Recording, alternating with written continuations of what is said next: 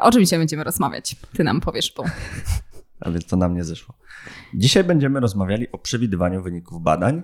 W szczególności będziemy dyskutowali o takich sytuacjach, kiedy przewidują te wyniki, przewiduje te wyniki badań więcej niż jedna osoba.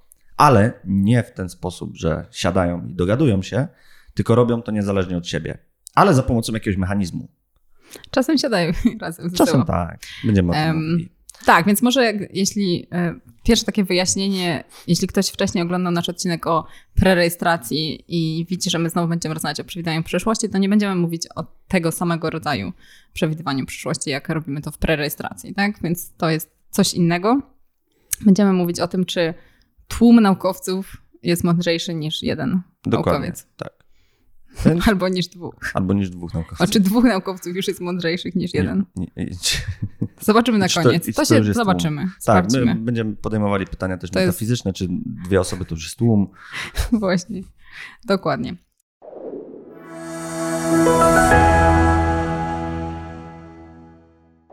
Dobra, czyli na razie powiedzieliśmy o tym, o czym nie będziemy rozmawiać. Nie będziemy rozmawiać o prerejestracji. Nie, nie, absolutnie. Nie będziemy. I też o pojedynczych naukowcach. Znaczy troszeczkę tak, ale z reguły będą nas interesowały, bę- będziemy sobie agregowali tych naukowców. Będzie ich, zazwyczaj będzie więcej opinii niż od tylko jednego naukowca. Mm, I opowiemy o projektach, których, mm, co znaczy, nasi metanaukowcy wpadli na pomysł, żeby może sprawdzić, jak zachowują się naukowcy, jeżeli zbierzemy ich do kupy i zrobimy tłum naukowców. I, czę- z- I z samego faktu istnienia tego tłumu i powiedzmy w niektórych wariantach wymiany myśli pomiędzy uczestnikami tego, czy może przy, przyjść nam coś dobrego w Dokładnie. kontekście Czyli, przewidywania. czyli w skrócie, czy można. I jeszcze to, co warto dodać, to to, że większo... o, duża część tych projektów, o których będziemy mówić w tym kontekście, dotyczy projektów replikacyjnych. Czyli Tak. powstaje pytanie takie: jeśli mamy badania i następnie replikujemy te badania, to czy jesteśmy w stanie przewidzieć, które z tych badań oryginalnych się zreplikują bądź się nie zreplikują? Tak. I do tego używamy właśnie grupy osób, ekspertów bądź nie ekspertów, em, żeby sprawdzić, czy jesteśmy w stanie to zrobić niezależnie. Tak. I o takich projektach opowiemy. Em, Powiemy też o jednym takim projekcie, gdzie podjęto próbę przewidywania nowych zupełnie wyników badań. Tak, a na koniec dorzucimy jeszcze nowych. kilka słów o tym, że mm, niektórzy zaczęli się zastanawiać nad tym, jeżeli uznamy, że to jest bardzo ciekawy pomysł, to może tych ekspertów w ogóle wywalić i zastąpić ich sztucznymi ekspertami. Czyli Dokładnie. mm, akurat w tym wypadku, w tamtym wypadku mm, uczeniem maszynowym. Dokładnie, czyli zmierzamy ku temu em, pytaniu, czy algorytmy nas w końcu wszystkich zastąpią. Tak jest. I na przykład któryś z kolejnych odcinków podcastu będzie przez algorytm. Poprowadzony będzie przez, tak, przez, przez bota. Dobrze, więc zacznijmy. Nie, mamy świadomość, że może to nie do końca jasno wyjaśniliśmy, o czym będzie Bardzo ten... niejasno. W sensie e, wydaje, nam, wydaje mi się, że to jest najbardziej zawiłe wprowadzenie do odcinka, jakie dotychczas mieliśmy, ale no już Ale teraz, teraz pauza, Ale już się pauza, nagrało. właśnie pauza i nasi słuchacze mogą teraz stworzyć predykcję odnośnie tego, o czym będzie ten odcinek. Tak. I za chwilę się okaże może, czy mają rację, czy nie. Mhm. Dobra, Dobra. czyli teraz pauza. Okej. wystarczy Wracamy. Wracamy, dzień dobry. Wracamy, dzień dobry. Em, dobra, Okej. to jakie mamy te pro- rodzaje projektów em, predykcyjnych? No, pierwszy podstawowy to jest zbieranie, a, ankietowanie, e, ankietowanie naukowców i po prostu pytanie ich o opinię. Dokładnie, czyli pokazujemy opis e, badania, tego oryginalnego badania i ludzie niezależnie od, od siebie próbują ocenić, czy sądzą, że to badanie się zreplikuje, czy nie i agregujemy to opinię e, i sprawdzamy, jaka jest uśredniona, e, uśrednione oczekiwanie tej grupy naukowców. Tak. I to jest taki najprostszy model, jaki możemy sobie wyobrazić, jeżeli dyskutujemy sobie o tym potem mądrości tłumu. Drugi, Drugi to jest, już jest bardziej sprytny, bo teraz budujemy sobie taki rynek przewidywania. I ten rynek przewidywań działa tak, że wypuszczamy na ten, na ten rynek pewne kontrakty, czy nazwijmy, możemy nazwać akcjami. I te akcje to są przewidywania dotyczące tego, czy coś się zreplikuje, czy nie. I działa to tak, że jeżeli coś się zreplikuje, to otrzymujemy jakąś sumę pieniędzy, zazwyczaj jest to 1 dolar, a jeżeli się nie zreplikuje, to jest 0 dolarów. I teraz tworzymy rynek dla naukowców, którzy uczestniczą e, w sprzedaży i kupnie tych, e, tych akcji, dajemy im na początku kwotę pieniędzy i oni sobie tym handlują. I my teraz na podstawie tego, to są zazwyczaj jakieś po prostu stwierdzenia dotyczące replika, replikowalności określonej hipotezy, i my czekamy na ten moment, kiedy rynek się ustabilizuje. To znaczy, już mamy pewne wartości przyporządkowane do każdych, każdego z tego kontraktu, do każdej tej akcji.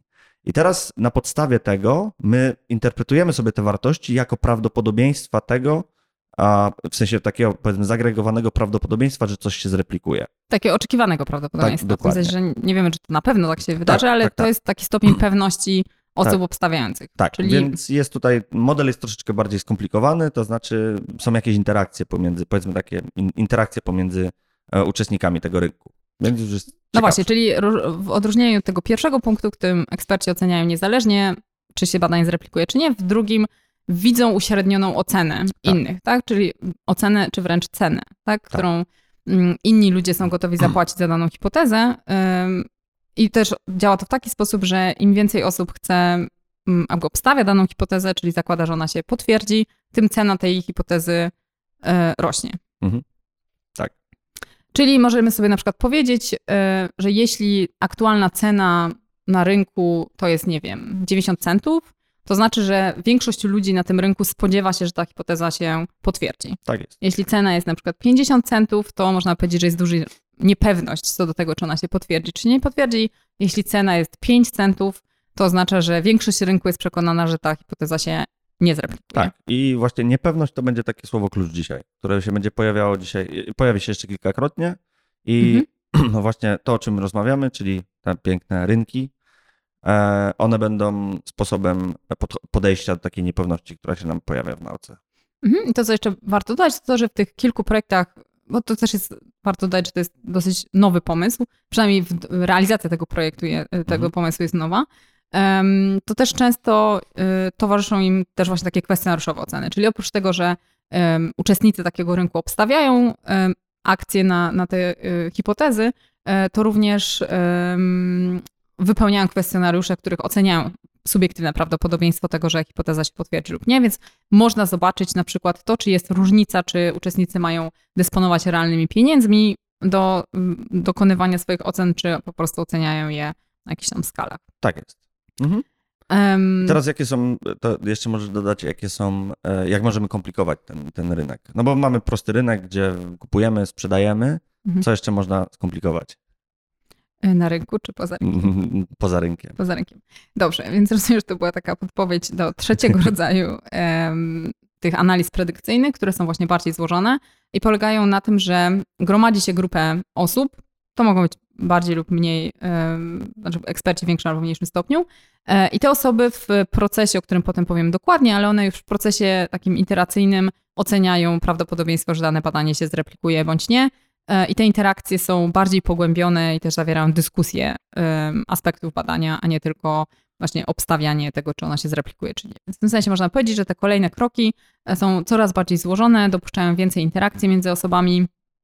E, No i pytanie oczywiście powstaje, jak efektywne są te predykcje i czy możemy używać, uciekać się do takiego mechanizmu em, ocen ekspertów, średnionych ocen ekspertów, żeby mm, wiedzieć, które z naszych badań mają większą bądź mniejszą szansę zreplikowania się. No to co? No to przechodzimy, tak. Więc e, jeden z pierwszych pomysłów to jest powiedzmy taki, taka wersja czystego e, rynku, gdzie handlujemy sobie tym. To jest ba- badanie, którego mm, e, pierwszą autorką tego artykułu jest pani profesor Dreber, która jest ekonomistką i stworzyła, mm, wra- wraz z zespołem stworzyli taki, taki rynek. No i na tym rynku mieliśmy badania replikacyjne, to jest ważne, i to było podpięte do większego, mm, do większego projektu replikacyjnego. Więc to był powiedzmy jeden z, eleme- z elementów całego przedsięwzięcia. I e, mieliśmy, m, oczywiście, tak, tak jak wcześniej mówiłem, to zasady były dokładnie takie, e, że 0 dolarów otrzymywaliśmy w sytuacji, w której e, w sytuacji, w której się nie replikowały badania, 1 dolar, kiedy się replikowały. Na start dosta, do, do- dostawał taki e, naukowiec, który, albo naukowczyni, którzy zaczynali sobie grać na tym rynku 100 dolarów. I teraz e, pytanie było, to jest istotne, pytanie było, pytanie podstawowe było o to, czy dane badanie się zreplikuje, ale jeszcze co ważne było o to, jak ocenia się indywidu- e, subiektywnie własną, własną znajo- znajomość tego, a, czego, przepraszam, Tematu. tematu. Dziękuję. Proszę. Uciekł. Czyli o ekspertyzę, ba- badanie. To jeszcze możemy dodać, y, bo ten projekt replikacyjny, w kontekście którego to badanie było robione, Mhm. to jest taki, o którym my też opowiadaliśmy Tak. na samym początku y, naszego podcastu, bo to jest projekt replikacji y, badań w psychologii, który był jednym z tych takich większych projektów, czy właściwie nie wiem, czyli pierwszym dużym projektem replikacyjnym więc w kontekście tego właśnie, który był tam w 2015 opublikowany, w kontekście tego, tych badań był robiony ten projekt, o którym ty mówisz. Mhm, mhm. Tak. No i teraz czekamy do tego momentu, mamy trochę iteracji rynkowych, trochę transakcji zachodzi, czekamy do momentu, kiedy rynek się ustabilizuje. Rynek się ustabilizował, więc co możemy powiedzieć o tym rynku? No, jest kilka ciekawych, e, ciekawych obserwacji. Przede wszystkim pierwszą obserwacją było to, że średnia cena rynkowa wynosiła 50, 0,55. E, było to 50%, czyli interpretujemy to jako 55% e, szans na replikację badań. Uśrednieniu. tak, w mhm. uśrednieniu całej, całej tej populacji badań, które mamy. Natomiast ten prawdziwy, ponieważ mieliśmy, dlatego właśnie to jest podpięte do e, większego projektu replikacyjnego, żebyśmy mogli sobie tą prawdziwą, żebyśmy znali tą e, prawdziwą, e, prawdziwą procentową wartość replikacji. Ta prawdziwa procentowa wartość replikacji to było 39%. No więc były rozbieżności pomiędzy, pomiędzy jednym a drugim. No Czy i... jeszcze, żeby mhm. to właśnie powiedzieć, co to dokładnie znaczy, to znaczy, że przypominając, że w tym pierwszym mm, projekcie replikacyjnym 39% badań się zreplikowało tak w dosyć określonym kontekście, rozumieniu replikacji, czyli miały mm, istotny statystycznie wynik w kierunku, w którym były oryginalne badania. Mhm. Natomiast ludzie na tym rynku, jak rozumiem, spodziewali się udanych replikacji w 55% tak. przypadków. Mhm. No i teraz e, jak możemy się zastanowić w takim razie, jak, jak dobre były te predykcje. To znaczy, i w ilu, i jak procentowo możemy wyrazić tą prawidłową prognozę. I okazuje się, że rynek daje nam odpowiedź, a mniej więcej w 70, rynek dobrze, dobrze przewiduje tą, to, czy badania się replikują w 71% przypadków. I istotne też jest też, że mm, wcześniej, to znaczy jednocześnie z tym prowadzona była ankieta to znaczy, używaliśmy tego te pierwszego narzędzia, o którym mówiliśmy przed chwilą, to znaczy ankietowaliśmy po prostu ludzi znaczy o tym. nie my, e, ale nie, nie oni, pani e, Dreber. Pan, pani Dreber z, ze współpracownikami, współpracowniczkami e, ankietowali ekspertów mhm. i teraz te, te, ta, ten procent, jeżeli chodzi o siłę przewidywania rynku i siłę przewidywania tych zagregowanych ankiet, on się różnił od siebie. To było 71% w przypadku rynku i 58% w przypadku ekspertów. Natomiast e, ta wartość, ta druga wartość e, troszeczkę została obniżona, jeżeli wzięli, e, jeżeli weźmiemy sobie pod uwagę ekspertyzę osób badanych, bo wtedy to nam spada do 50%, więc to tak, Z kwestionariuszem. Z kwestionariuszem, mhm. tak, dokładnie, więc to jest takie całkiem niskie mhm. prawdopodobieństwo, jeżeli to jest na, na, na, na poziomie 50%. No właśnie, bo jeszcze to możemy doprecyzować, że mm, co to oznacza trafność w tym przypadku. Czyli jeśli rynek mówi, że badanie się zreplikuje i badanie się zreplikowało, to jest trafna decyzja. Jeśli rynek mówi, że badanie się nie zreplikuje i badanie się nie zreplikowało, to też jest trafna decyzja. Więc w tym sensie te 71% to jest, e, jeszcze nie mówi nam o tym, do czego za chwilę też przejdziemy, czy ta trafność to jest w, w odniesieniu do replikacji, czy do niereplikacji. Tak, i to będzie istotne, bo mhm. za, zaraz będziemy mieli kilka ciekawych rzeczy o tym do powiedzenia. No właśnie, czyli e. to jest Jedno z, jedno z takich pierwszych badań e, predykcyjnych, też jakby to, co jest może charakterystyką tych badań, wynikającą z tego, że te oryginalne projekty replikacyjne były na ograniczonej liczbie badań, więc one mają tak naprawdę wielkość tych um, próby, na której możemy liczyć te korelacje, jest dosyć mała. Tak? No tutaj mieliśmy do czynienia chyba z 400 e, kilkoma e, badaniami, które w to weszły.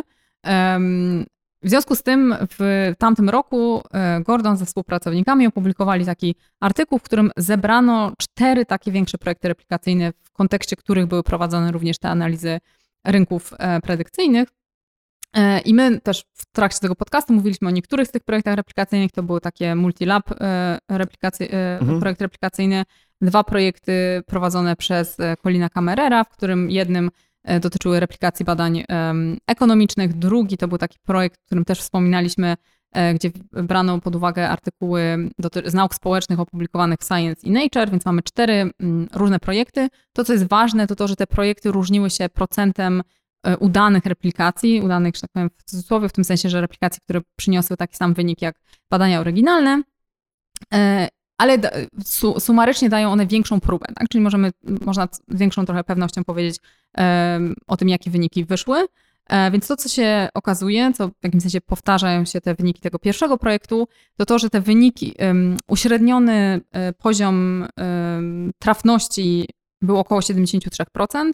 On był nieco wyższy niż trafność kwestionariuszowo deklarowana, ale tutaj te różnice z tego co pamiętam chyba nie były istotne statystycznie, bo one były 66%. 66% w związku z tym, no można by właściwie powiedzieć, że czy mierzymy to w sposób, że tak powiem, mm, właśnie poprzez obstawianie pieniędzy, czy pytanie o pewność subiektywną, to one dają mniej więcej porównywalne wyniki. Co było ciekawe, tym badaniu? No właśnie to, o czym wspominałeś przed chwilą, to znaczy jeżeli chodzi o mm, replikację i niereplikację, bo Mhm. okazuje się, że naukowcy, znaczy uczestnicy, uczestnicy rynku byli lepsi, jeżeli chodzi o przewidywanie, kiedy coś się nie zreplikuje. Mhm. Bo y, jak bierzemy to pod uwagę, to trafność wtedy nam drastycznie skacze, to jest aż 90% y, na tych danych zagregowanych, no bo Mhm. tu mówimy w, y, y, w Mhm. kontekście tego, co zrobił Gordon z kolegami. E, Natomiast jeżeli chodzi o replikację, to ta, ten współczynnik to było tylko 66%. Mhm. Czyli możemy sobie oczywiście, to nie jest jakaś tam uczona interpretacja, ale możemy przewidywać, że w sytuacji, kiedy naukowcy są zgodni co do, nau- naukowcy są bardziej trafni, e, jeżeli chodzi o niereplikowalność jakichś badań niż o replikowalność jakichś badań, co jest dość ciekawym wy- Mhm. wy- wynikiem.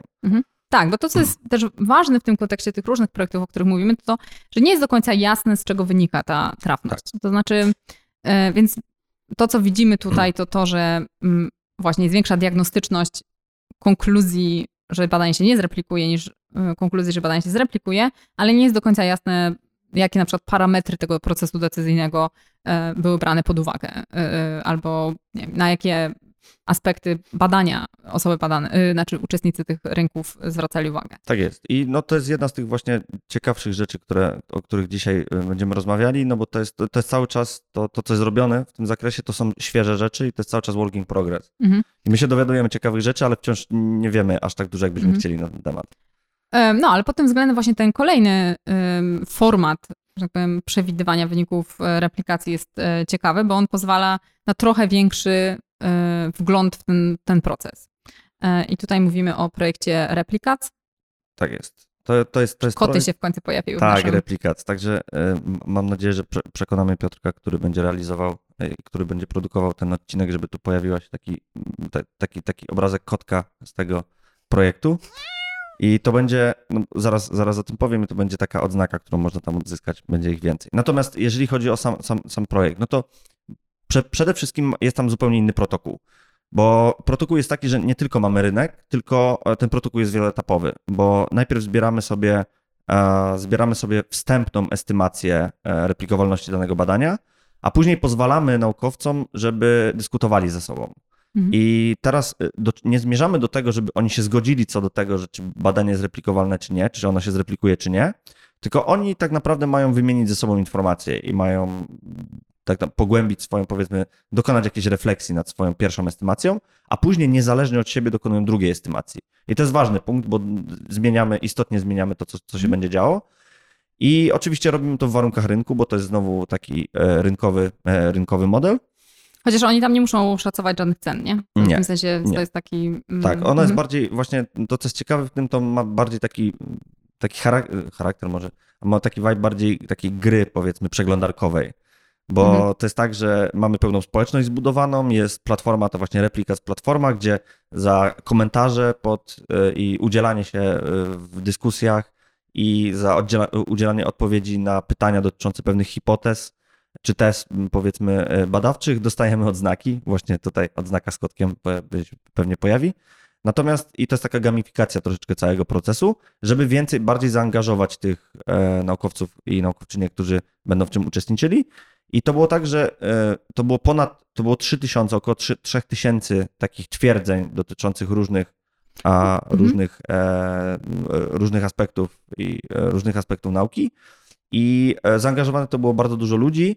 A taką jedną ze statystyk no, opisowych jest to, że 550 osób udzieliło odpowiedzi przynajmniej na jedną z tych, na, na, na jedno takie pytanie, bo te tezy były w formie pytań. Tak, Także- bo to, to możemy powiedzieć, że jest w ogóle bardzo y, duży i zakrojony na bardzo dużą skalę projekt. I cały czas trwa. Tak, i cały czas trwa i to jest jakby w założeniu, on się obejmuje kilka aspektów oceny właśnie replikowalności badań naukowych, e, ale jednym z tych aspektów to jest to, że te 3000 mm, tez, które funkcjonują w literaturze, zostało wybranych e, w jakiś tam przemyślany sposób. E, Po pierwsze, część z tych badań będzie replikowana. Wydaje mi Tak. się, że nie wiem, 300 z tych badań Mhm. e, ma de facto być poddanych replikacji, Tak, więc w wybieram, sensie będzie też, mhm. wybrać będzie też można sprawdzić, czy te e, oceny replikowalności w tym procesie właśnie em, takiej pogłębionej dyskusji, jak one się mają do faktycznej potem replikacji. Tak, no i jest jedna z tych, no bo on cały czas trwa ten projekt, dowiadujemy się coraz więcej rzeczy i on jest podzielony na kilka etapów. E, ten etap pierwszy to jest e, dokładnie to, o czym teraz mówiliśmy, i e, jednym z elementów tego były seminaria, na których próbowano robić takie mini grupki i dawać zadanie, to znaczy zadanie, zadanie takie samo jak na platformie, to znaczy określanie przez grupki naukowców replikowalności, poziomu, w sensie wydobycia poziomu replikowalności i trafności tego. I jedno z takich, z taki, z taki, jeden z takich krótkich, jedno z takich krótkich seminariów czy workshopu było na tym, design był taki, że było tam pięć grup po pięciu naukowców i było 25 takich twierdzeń i te, cały czas powtarzam, to są bardzo wstępne dane i to jest też o, oczywiście zasada ograniczonego zaufania do tego, ale tam mm, jeżeli chodzi o trafność, to trafność oszacowano na 84%, jeżeli chodzi o replikowalność tych badań. Mhm. No, takie... też też y, autorzy tego y, mini podprojektu zwracają uwagę, że trzeba z dużą mm, tak. ostrożnością interpretować te wyniki, dlatego że te wyniki, po pierwsze u, uczestnicy tego, tego, badania to byli głównie właśnie um, psycholodzy, tak. e, którzy mieli prawdopodobnie większą wiedzę na temat tych konkretnych badań e, oraz e, ponieważ te badania toczyły się w tym samym czasie, jest taka obawa, że być może niektóre wyniki projektów replikacyjnych były na przykład znane tym uczestnikom. Więc w tym sensie to 84% może być potencjalnie zawyżonym um, wskaźnikiem, ale na pewno będziemy obserwować.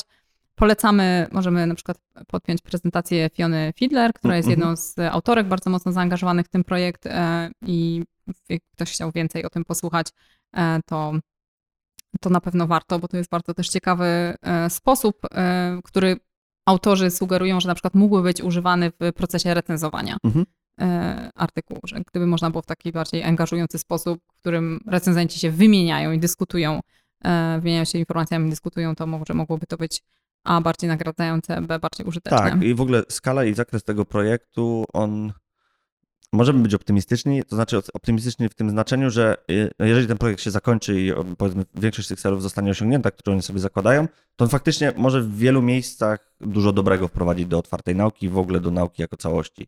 To mhm. jest jeden z tych, e, zresztą niedawno się pojawił artykuł związany z tym, w jaki sposób moglibyśmy zmienić ten e, proces peer review bazując na wynikach te, te, tego całego tego replikat. Zresztą to jest, chyba miesiąc ma ten artykuł, więc możemy, możemy podać, może ktoś sobie poczyta, się zainteresuje, ale tak, jako jedna metoda tego, żeby usprawnić proces recenzji. Mhm. No i cały czas to, o czym mówiliśmy, to, to było w kontekście replikacji. No i teraz mhm. oczywiście możemy się zastanawiać nad tym, czy można zrobić, jeżeli będziemy mieli dobre wyniki dotyczące tego, że jesteśmy w stanie przewidywać, no może powinniśmy iść dalej. To znaczy nie mówić tylko o replikacjach, tylko o czymś więcej. E, no właśnie, więc to jest jeden z e, takich e, pierwszych projektów, który też jest koordynowany między innymi przez właśnie profesor Dreber, o którym już wcześniej wspominaliśmy. I to jest projekt, w ramach którego będą dopiero realizowane nowe badania i jednocześnie będą organizowane właśnie takie rynki predykcyjne i będzie sprawdzane, czy, mm, czy jest wstępnie już sprawdzane, na ile rynek jest w stanie przewidzieć, które z badań przyniosą określone wyniki, to znaczy potwierdzą hipotezę albo nie potwierdzą tej hipotezy. E, I to jest projekt realizowany przez e, DARPA.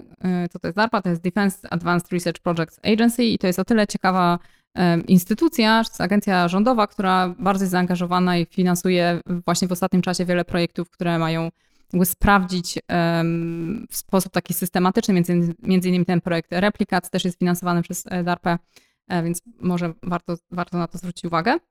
W tym konkretnym e, badaniu e, testowano 22 hipotezy z zakresu badań społecznych dotyczących różnych aspektów takich złożonych systemów społecznych.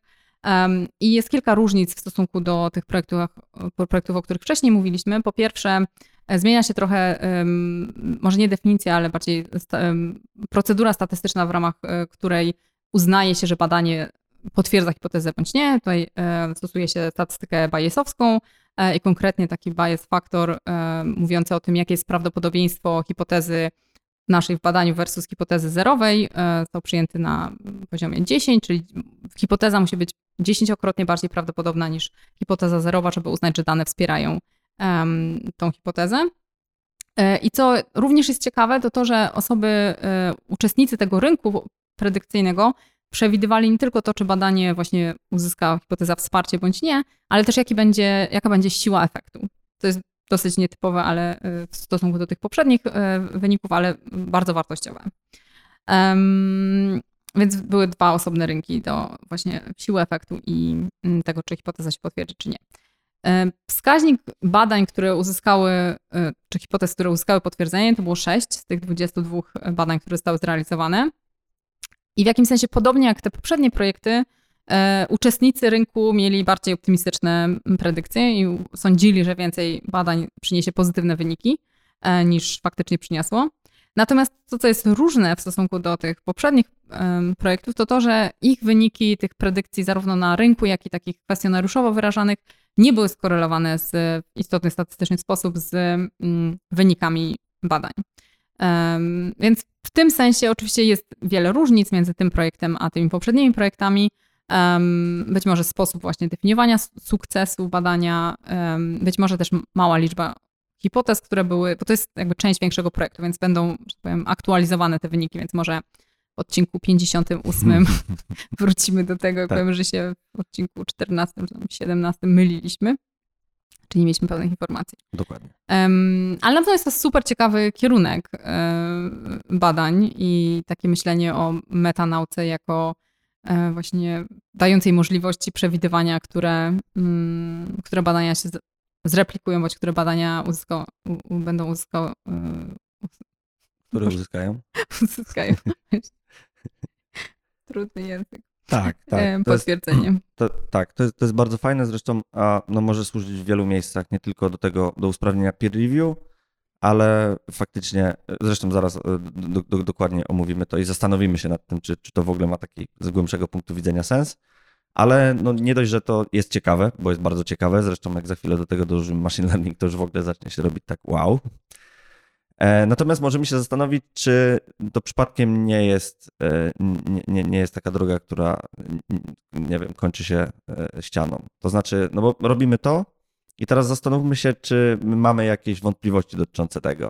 Mhm. Bo możemy tak hura optymistycznie, jasne, robimy, wymyśliliśmy sobie własne, właśnie nowe narzędzie, i co to nam dokładnie powie i jaki możemy mieć korzyść z tego. No bo co to tam dokładnie nam mówi?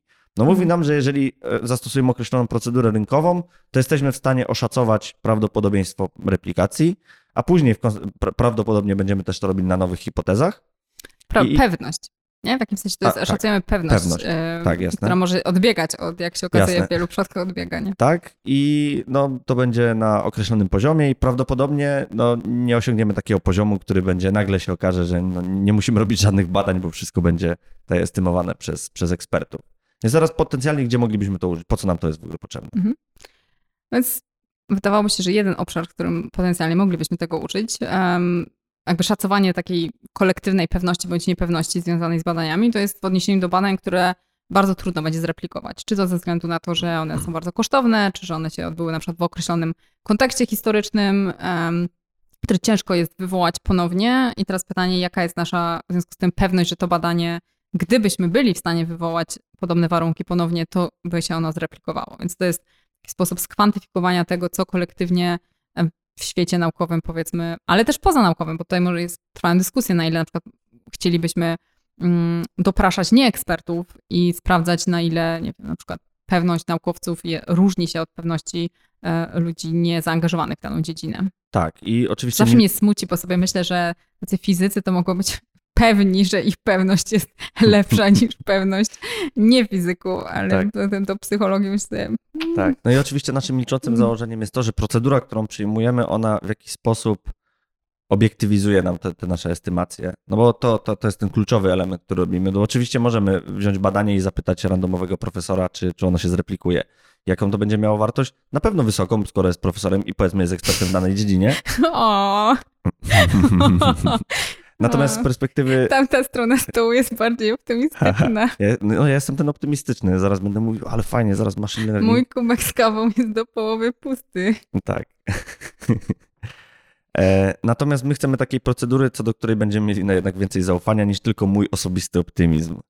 No poza tym no, są takie badania też w kontekście zupełnie nie, um, nie, ocen, nie dokonywania ocen w, y, wobec wyniku badań naukowych, tylko w odniesieniu do innych decyzji, które pokazują, że tłum, uśrednianie ocen w tłumie w, duży, w wielu przypadkach daje lepsze oceny mhm. E, niż branie jakichś losowych, pojedynczych ocen. Więc w tym sensie można powiedzieć, może nauka nie jest inną dziedziną niż wszystkie inne i jak po prostu zapytamy 10 osób i uśrednimy, to będziemy mieć lepsze lepszy osąd tego niż, e, niż tak. pojedyncza osoba. Więc tak, jest... a, a, dla tych wszystkich, których, no bo jak powiedziałeś, że no mamy eksperymenty, na przykład, które ciężko zreplikować, to, no to może nam się włączyć taka intuicja, no ale zaraz.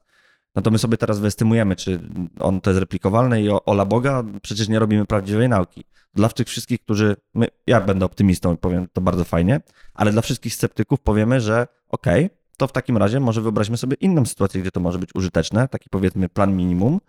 A mamy ograniczone zasoby, jeżeli chodzi o replikację. Chcemy zreplikować powiedzmy trzy badania, a mamy do dyspozycji 12 i chcemy to, oczywiście chcemy, chcemy tej replikacji, ponieważ chcemy ustalić pewną e, powiedzmy pewną tam, nie wiem, spójność, jeżeli chodzi o dane, da, dany efekt, dane zjawisko, ale możemy zrobić tylko trzy, trzy badania, mamy 12. No więc możemy sobie zrobić taki prediction market i po prostu, jeżeli chodzi w oparciu o te predykcje, o, o, o, to prawdopodobieństwo, o, to, o tą pewność e, ty, tych e, osób, które biorą udział w sprzedawaniu, kupowaniu tych akcji tych, na, na rynku, możemy sobie ustalić, które chcemy badania zrobić. I które chcemy. No, tu zobaczymy, czy wyjdzie. No, ja bym zrobił te, które nie będą się replikowały, bo to będzie ciekawsze. Zresztą, to za chwilę o tym będziemy mówili. To ja bym zreplikowała te, których nie wiadomo. um. Dlaczego bym zreplikowała te, które nie wiadomo? No Dlatego, że jak y, pierwsze, wcześniejsze nasze analizy pokazują, że jak ludzie myślą, że to się nie zreplikuje, to prawdopodobnie się nie zreplikuje, więc w zasadzie można powiedzieć, jeśli wszyscy w danej dziedzinie sądzą, że nie ma szans, no to może nie ma sensu robić. Jak wszyscy w danej dziedzinie mówią, że się zreplikuje, no to dalej mogą się mylić, mm, czyli, ale jakieś prawdopodobieństwo tego, że się jednak zreplikuje jest. Czyli targetowałabyś te 50%, tak? E, tak, znaczy to by był jakiś jeden z, e, jeden z kryteriów, prawda? Mhm. Bo to mhm. też jakby warto powiedzieć, że pewność hipotezy nie, bądź niepewność nie jest jedynym kryterium. Tak. E, jeśli jest jakaś hipoteza, o którą nikt nie dba, w sensie to jest jakaś wiedza, o. która nikomu się do niczego nie przyda, to fakt, że nie mamy pewności, czy ona jest prawdziwa, czy nie, jeszcze nie jest wystarczającym powodem, żeby robić to badanie. Prawda? Więc w tym sensie. Taka biedna, mm, smutna hipoteza. Biedna, dokładnie. Nikt się nią nie interesuje. Um, tak. Ciągle nie. Może teraz otworzymy właśnie e, czasopismo, które będzie się zajmowało badaniem właśnie, właśnie takimi smutnymi hipotezami, których nikt nie chce. Dokładnie, takie rejection, Osie nie dlatego, że... Osieroconych, czasopismo osieroconych hipotez. No może, może pomyślimy jeszcze i będzie tak, lepszą. Tak, pomyślimy, pomyślimy. Myślę, że e, coś... Napisz mi mail, a ja mam twojego maila. E, dobra, czyli powiedzieliśmy, że mm, aha, może być kryterium pewności, niepewności to do tego, wtedy, kiedy musimy wybrać, co chcemy replikować. Tak. Um, co jeszcze powiem? No i wspomina, wspominałeś, że e, decyzje grantowe mogą od tego zależeć. To znaczy... Ja tego nie wspominam. nie udało się. E, no możemy też, w sensie systematycznie możemy wprowadzać, e, możemy wprowadzać te mm, przewidywania rynków i opierać nie tylko decyzje dotyczące replikacji, ale na przykład też, no bo jeżeli mm, decyzje dotyczące na przykład finansowania pewnych badań, mhm. może pewne badania chcemy mm, finansować z uwagi na pewne predykcje. E, no i oczywiście to będzie zależne od polityki dan, dan, danego ośrodka, który przyznaje finansowanie, ale to zawsze może działać jak coś, co będzie nam ułatwiało podejmować decyzje. Czyli będzie. No, chociaż to też ja sobie wyobrażam, że jest um, no, trudna sprawa, prawda? No, bo z jednej strony no można tak. powiedzieć, no wszyscy wiemy, że jest X. Tak? Poziom pewności płacimy dolara na dolara po prostu za hipotezę. No to nie chcemy robić Słaby badania, biznes, które nam tak. jeszcze raz pokaże, że jest X, prawda? Dobrze. To odrzucamy te hipotezy, do których mamy pewność, że, czy tam powiedzmy nigdy nie mamy 100% pewności, a mamy dużą pewność. E, potem są takie hipotezy, których być może nie wiemy. No to można powiedzieć, no to jest, to jest właśnie taki obszar, który chcemy adresować. No bo skoro nie wiemy, to jest ważne, a tu się nie zgadzamy, czy to się jest tak, czy nie jest tak, robimy te badania. Ale teraz co z tymi hipotezami, co do których wszyscy myślą, że coś nie działa? E, no można powiedzieć, no to tego nie badamy, no bo w jakimś sensie wszyscy wiemy, że to nie działa. Ale może jest tak, że ktoś przychodzi z modelem teoretycznym i w jego modelu teoretycznym to prawdopodobieństwo nie jest 0,5, tylko jest na przykład 0,85. Mhm. W związku z tym, e, tam wcześniej miał być 0,05. Mhm. w związku z tym e, chcielibyśmy dać, znaczy ta osoba potencjalnie ma może najbardziej przesunąć naszą niewiedzę, tak, w stronę większej wiedzy, bo ona skoryguje jakieś przekonanie, co do którego myśleliśmy, że wiemy, że coś nie, nie jest jakoś. A ona być może jest w stanie pokazać, że właśnie jest. Z drugiej strony, może to jest jakiś, e, że tak powiem, osoba, która po prostu się nie zapoznała z literaturą i ona nie wie, że już wiadomo, że coś nie działa. Tak, no ale I... zakładamy, że to jest ktoś, kto zapoznał się z literaturą. I wtedy liczymy na, ten, na takie posunięcie nauki do przodu mhm. o kilometry. No właśnie, więc to jest, wydaje mi się, że to jest um, um, no, triki takie tak, to znaczy, podejmowanie decyzji mm, w odniesieniu o tylko Dlatego o taka naj, najsłabsza teza będzie raczej taka, że to może nam pomóc, na przykład w skonstruowaniu jakiejś polityki dotyczącej podejmowania decyzji, natomiast mm. samo z siebie, no to mamy po prostu jakąś estymację. To, to nie jest tak, że nagle mamy narzędzie, które mówi nam, co robić, jak żyć. No i w ogóle, żeby była jasność, to tak naprawdę ta, ta sytuacja e, tej niskiego prawdopodobieństwa, w której ktoś nas może super skorygować, jest dokładnie analogiczną sytuacją do sytuacji, w której wszyscy myślą, że jest jakość, tak? Czyli to prawdopodobieństwo jest bliskie jeden i teraz jest ktoś w czyim modelu teoretycznym, z którego modelu teoretycznego wynika, że wcale tak nie jest. I ta osoba też na, może nas bardzo dużo przesunąć, więc tak. po prostu wszystkim należy dawać pieniądze. Żartuję. Tak. Dobrze, czy mamy jakieś wątpliwości e, dotyczące tej metody? Ja jestem optymistą, ty na, na pewno masz dużo wątpliwości. Sprawdzę moje szklance. A nie, ciągle, ciągle pusta. Ciągle pusta. E, tak, myślę, że mam pewne wątpliwości. Zupełnie spontanicznie się e, pojawiły. Znaczy, jedna, jedna z wątpliwości jest taka, że większość tych projektów dotyczy replikacji. Mhm. E, i w tym sensie sam fakt, że coś się zreplikowało, nie znaczy, że, czyli można powiedzieć, o, y, rynek predykcyjny świetnie przewidział, że coś się zreplikowało, powinniśmy właśnie inwestować w rynki e, predykcyjne po to, żeby wiedzieć, co się ma replikować. Znaczy, sam fakt, że coś się zreplikowało, jeszcze nie powoduje, że to jest dobre badanie. To znaczy, to zwiększa prawdopodobieństwo, że to jest jakoś coś uchwyciliśmy, co jest, ale ta zależność, którą zbadaliśmy, dalej może być trywialna, może być artefaktem metodologicznym, może wynikać z tego, że użyliśmy dwie skale, które właściwie mierzą prawie to samo i ich kore silna korelacja nic nam nie mówi o świecie, a więcej nam mówi o tym, że źle przygotowaliśmy skalę i jeśli inni ludzie wezmą te same dwie skale i będą je korelować dalej, będą świetnie replikować. Więc jakby w tym systemie, w którym replikacja jest wskaźnikiem sukcesu i predykcja replikacji jest wskaźnikiem silnego rynku, no właściwie spełniliśmy te warunki, e, a czy to nam poszerzyło wiedzę o świecie? Niespecjalnie. Więc w tym sensie pewnie konkluzja była taka, że to jest ciekawy pomysł i warto go eksplorować pod różnymi, że tak powiem, kątami, ale nie jest to jedyny sposób, jedyne kryterium podejmowania decyzji o tym, na przykład jakie projekty finansować albo mm, jakie badania są wartościowe. Mhm. No więc tak naprawdę powinniśmy trochę uważać, tak? Zawsze. Hmm. Okej. Okay. Dobrze, a ty coś miałeś do powiedzenia o algorytmach? Tak, bo ja jestem do tego odcinka... panem, masz tam pół... Jestem, jestem, bardzo, jestem bardzo entuzjastycznie nastawiony. Natomiast e, tak zupełnie na serio, e, badanie jest e, publika, publikowane było dwa lata temu, więc tak naprawdę dość świeży temat w ogóle, to, o czym dzisiaj mówimy. I no, możemy się zastanowić, to, to jak ja to widzę, to jest tak, że no, my się zastanawiamy prawdopodobnie, no bo jeżeli bierzemy sobie taki rynek, bierzemy sobie ekspertów, no to ta wiedza ekspertów pochodzi z tych z artykułów, które, które przeczytali, tak? Wybierają w jakiś sposób i identyfikują sobie e, poszczególne oznaki, że artykuł jest powiedzmy lepszy, gorszy, bardziej przekonani, mniej przekonani. I teraz zaczęli się zastanawiać naukowcy nad tym, czy nie można by zautomatyzować tego procesu. To znaczy sprawdzić i spróbować e, nauczyć algorytm, na, e, w sensie spowodować, żeby algorytm się nauczył które dokładnie elementy wpływają na to, że dane badania się replikują, to znaczy, które są oznakami tego i czy mamy takie dobre predyktory tego. I jeżeli moglibyśmy to zrobić, to może będziemy w stanie e, stworzyć takiego sztucznego agenta, który będzie nam przewidywał równie dobrze, co e, agent ludzki, e, czy dane badanie się zreplikuje. No i ci autorzy to zrobili, to znaczy wzięli popularne uczenie maszynowe, zaimplementowali sobie. Nie, nie będę udawał, że się znam na tym, bo nie znam się na tym zbyt dobrze. Natomiast z tego opisu, który e, oni tam podawali w tym artykule, no to zastosowali tak naprawdę trzy metody. Pierwszą metodą było zrobienie, po prostu wzięcie tekstu artykułu bez danych, danych statystycznych. Drugą metodą było wzięcie tylko danych statystycznych, a trzecią jednego i drugiego.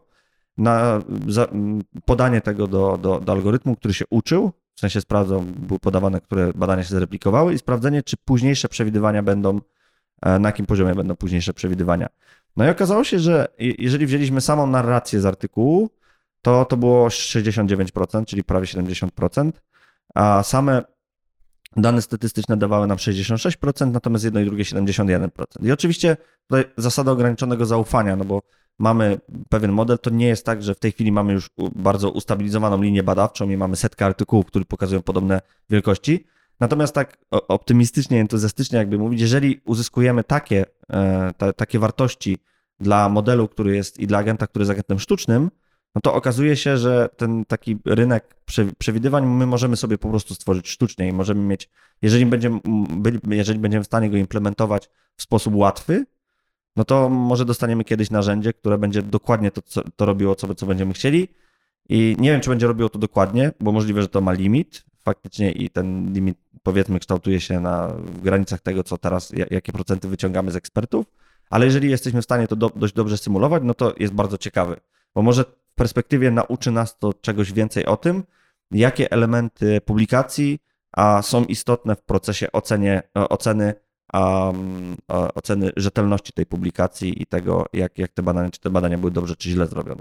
Więc, żeby nie było, nie mówię tutaj, że za chwilę, e, tak, odcinek numer 30, tak jak powiedziałeś przed odcinkiem, że odcinek numer 30, ten 530 poprowadzi nam bot, bo zaraz sobie w pełni to, e, w pełni to sobie zautomatyzujemy.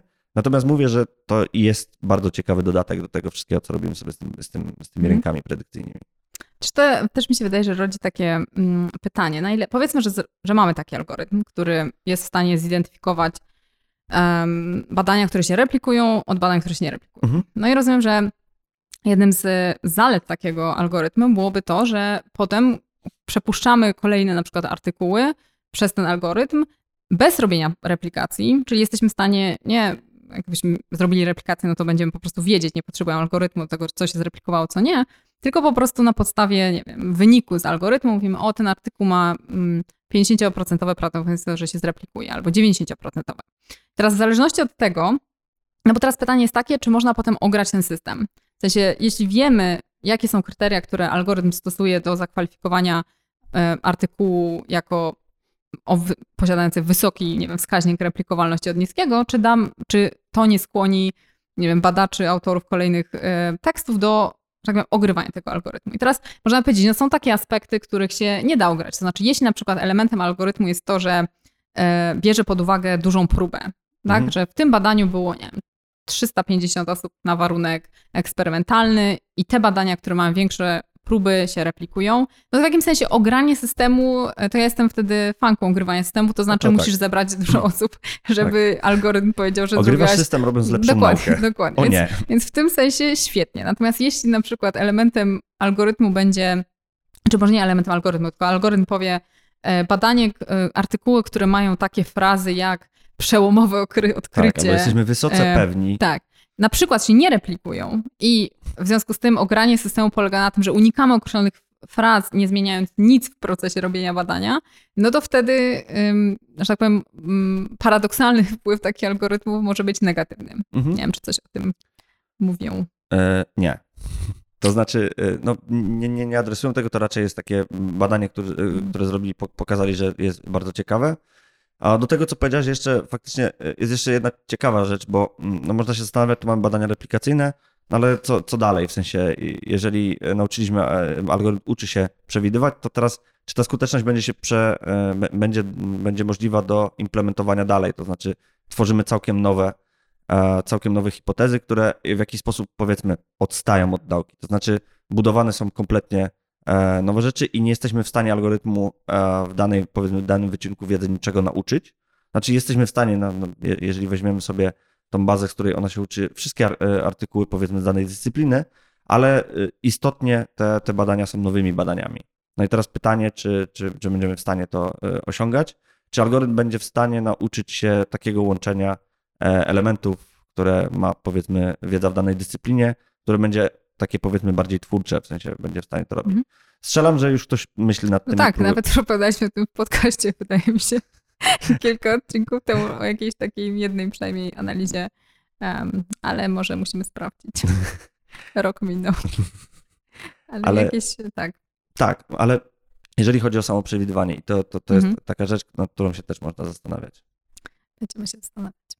Tak. Dobrze, czyli zostawiamy, rozumiem, naszych e, słuchaczy. Z niedosytem oczywiście. Też, e, ale też takim pytaniem, czy nauka powinna się zmienić w taki rynek, dosłowny rynek idei, na którym możemy obstawiać e, pieniędzmi e, własne hipotezy albo cudze hipotezy.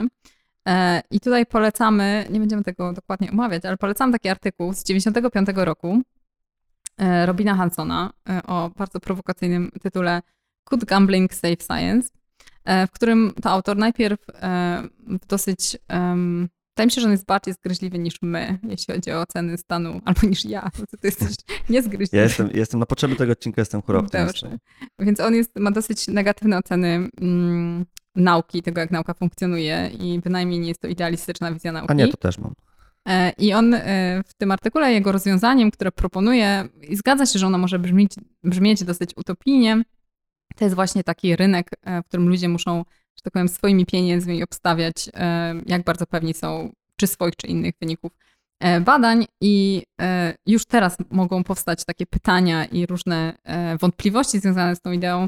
I na pewno w liście 37 pytań, na które autor artykułu odpowiada, jest odpowiedź na te nurtujące problemy. Są tam przeróżnego rodzaju wątpliwości i obiekcje. Od 95 roku niestety nie, że tak powiem, nie została ta idea wdrożona w życie, ale Czekamy. może Czekam. w kolejnej dekadzie. Um, I też nie specjalnie dużo cytowań ma ten artykuł, prawdę mówiąc, więc nie wiem, czy się bardzo przyjął, ale jest na pewno ciekawy, bo opisuje też um, różne przykłady historyczne, um, nawet cofając się chyba do... Do Arystotelesa i Platona. Też, no prawie, prawie. Myślę, że tam jakieś średniowieczne na przykład analizy terapii, y, terapii medycznych, które właśnie odwoływały się do y, wygrywania, jeśli czyjaś terapia się okaże lepsza niż, niż czyjaś inna. Więc w tym sensie, jeśli kogoś ciekawią dosyć takie radykalne pomysły, jak wykorzystać obstawianie hazard e, w nauce, e, to polecamy ten artykuł tak. i zostawiamy z tym pytaniem tak. i idziemy na rynek. Idziemy na rynek.